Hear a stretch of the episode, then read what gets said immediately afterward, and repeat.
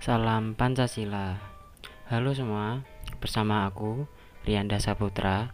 Kali ini akan bahas apa itu kewenangan lembaga-lembaga negara menurut Undang-Undang Dasar Negara Republik Indonesia tahun 1945.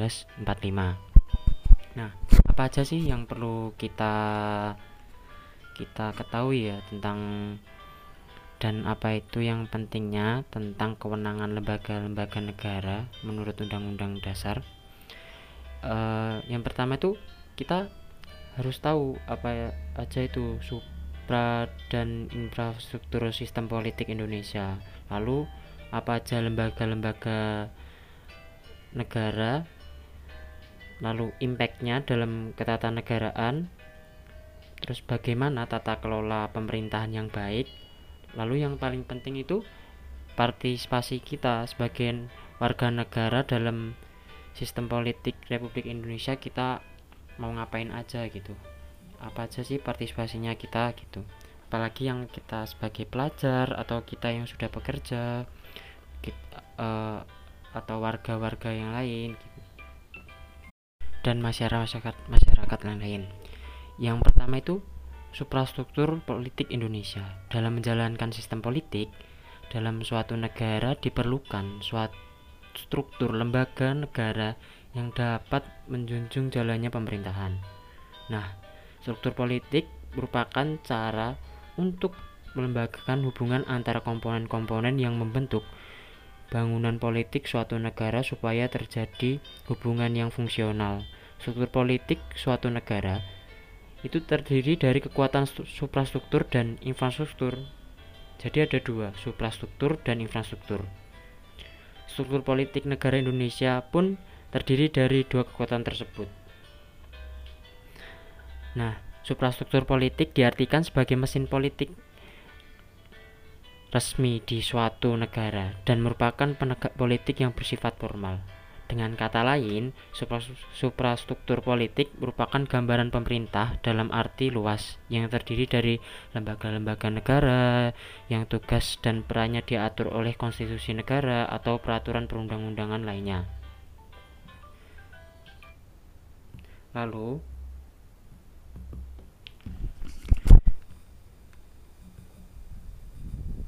yang kedua itu nah yang kedua itu infrastruktur politik yaitu adalah kelompok-kelompok kekuatan politik dalam masyarakat yang turut berpartisipasi secara aktif. Bahkan kelompok-kelompok tersebut itu dapat berperan menjadi pelaku politik tidak formal untuk turut serta dalam membentuk kebijakan negara. Di Indonesia banyak sekali organisasi atau kelompok yang menjadi kekuatan infrastruktur politik. Akan tapi jika di diklasifikasikan terdapat empat kekuatan yaitu ada yang pertama ada partai politik yang kedua ada kelompok kepentingan atau interest group yang ketiga ada kelompok penekan atau pressure group dan yang terakhir itu ada media komunikasi politik. Lah lalu apa saja sih lembaga-lembaga dalam sistem ketatanegaraannya yang menurut Undang-Undang Dasar Negara Republik Indonesia tahun 1945 yang pertama itu ada Majelis Pemusyarat Majelis Permusyawaratan Rakyat atau yang sering kita dengar yaitu MPR. Lalu yang kedua itu yang tidak yang pastilah yaitu presiden yang sering kita tahu atau yang lebih banyak kita tahu. Lalu yang ketiga itu ada Dewan Perwakilan Rakyat. Dewan Perwakilan Rakyat atau DPR yang mewakili rakyat. Lalu yang keempat itu ada Badan Pemeriksa Keuangan atau BPK. Dan yang kelima itu ada Mahkamah Agung. Lalu yang keenam pun ada Mahkamah Konstitusi. Lalu ketujuh ada Komisi Yudisial dan yang terakhir ada Dewan Perwakilan Daerah atau DPD itu sendiri. Nah, setelah tahu apa aja tuh uh, ketatan lembaga-lembaga sistem ketatanegaraan negaraan yang tadi ada delapan. Nah, selanjutnya itu kita harus tahu apa itu good governance.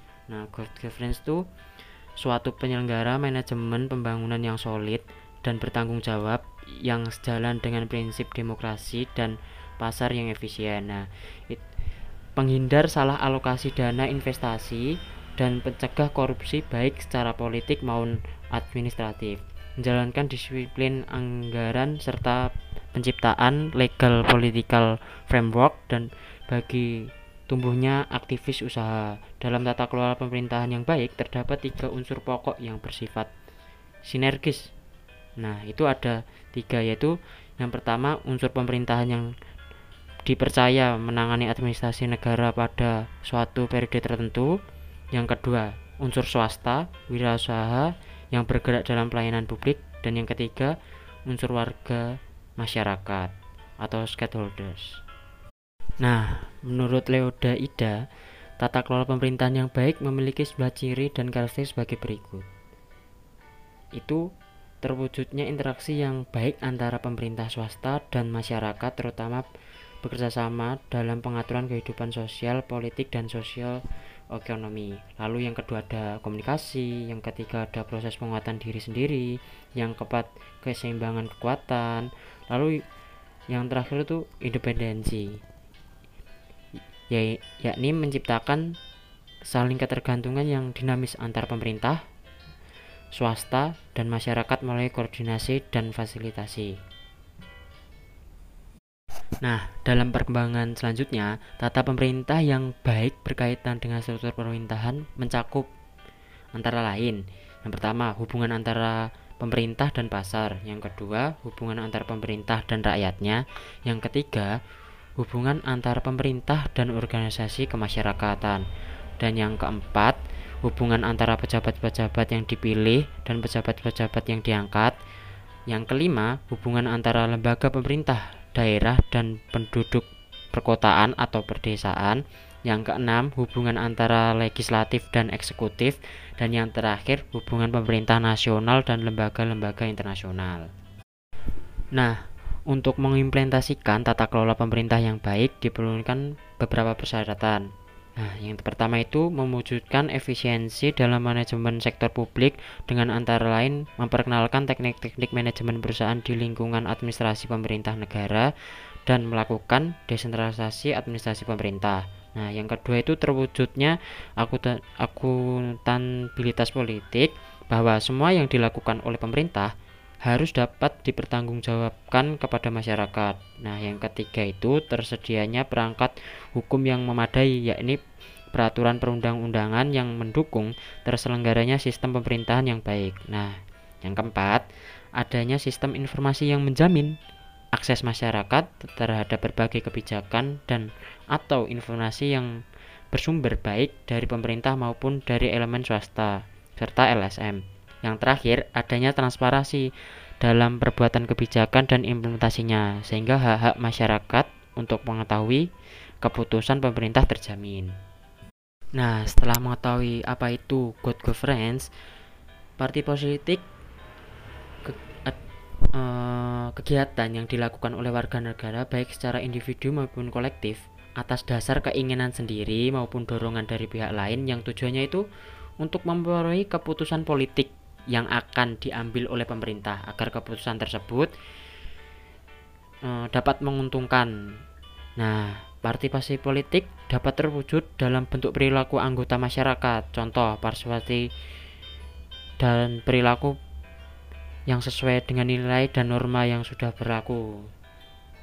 Nah, yang yang pertama itu di lingkungan sekolah uh, terutama yang masih siswa-siswa. Nah, dalam kehidupan di lingkungan sekolah, setiap siswa itu dapat menampilkan pola perilaku politik yang mencerminkan pelaksanaan demokrasi langsung. Nah, antara lain tuh ikut pemilihan ketua kelas, ketua OSIS, dan ketua organisasi ekstrakurikuler seperti pramuka, pecinta alam, PMR, paskibra, dan banyak lah yang lain. Nah, kedua itu ikut pembuatan anggaran dasar dan anggaran rumah tangga OSIS atau organisasi ekstrakurikuler yang diikuti.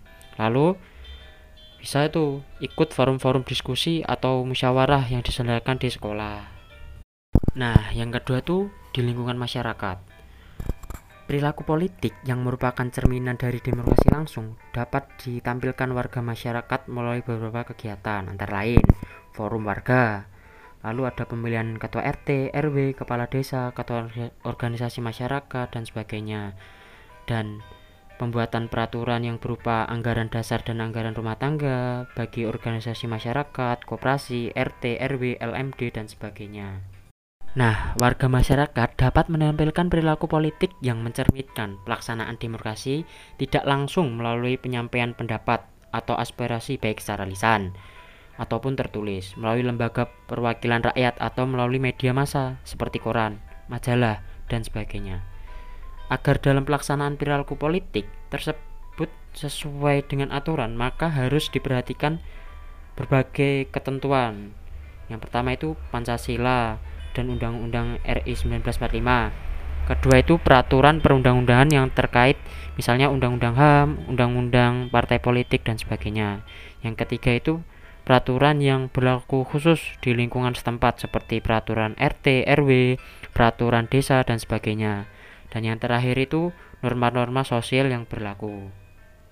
Nah, yang terakhir nih, yang ketiga yaitu di lingkungan negara. Dalam kehidupan berbangsa dan bernegara, perilaku politik yang dapat kita tampilkan secara langsung di antaranya melalui kegiatan pemilu, pemilihan umum untuk memilih anggota legislatif dan presiden, lalu pemilihan kepala daerah secara langsung pilkada, dan aksi demonstrasi yang tertib, damai, dan santun. Nah, sedangkan perilaku politik yang tidak langsung diwujudkan dengan penyampaian aspirasi melalui lembaga perwakilan rakyat, partai politik, organisasi masyarakat, dan media massa, supaya perilaku yang ditampilkan mencermin perilaku politik yang sesuai aturan, maka harus menaati ketentuan-ketentuan seperti Pancasila, Undang-Undang RI 1945, dan undang-undang seperti Undang-Undang Republik Indonesia Nomor 12 Tahun 2002 tentang Pemilu, Undang-Undang Republik Indonesia Nomor 31 tentang Partai Politik, Undang-Undang Republik Indonesia Nomor 9 Tahun 1998 tentang kemerdekaan menyampaikan pendapat di muka umum dan sebagainya. Nah, itu apa saja yang perlu kita tahu teman-teman yang tentang kewenangan lembaga-lembaga negara menurut Undang-Undang Dasar Negara Republik Indonesia tahun 1945. Nah, sampai berjumpa lagi. Terima kasih.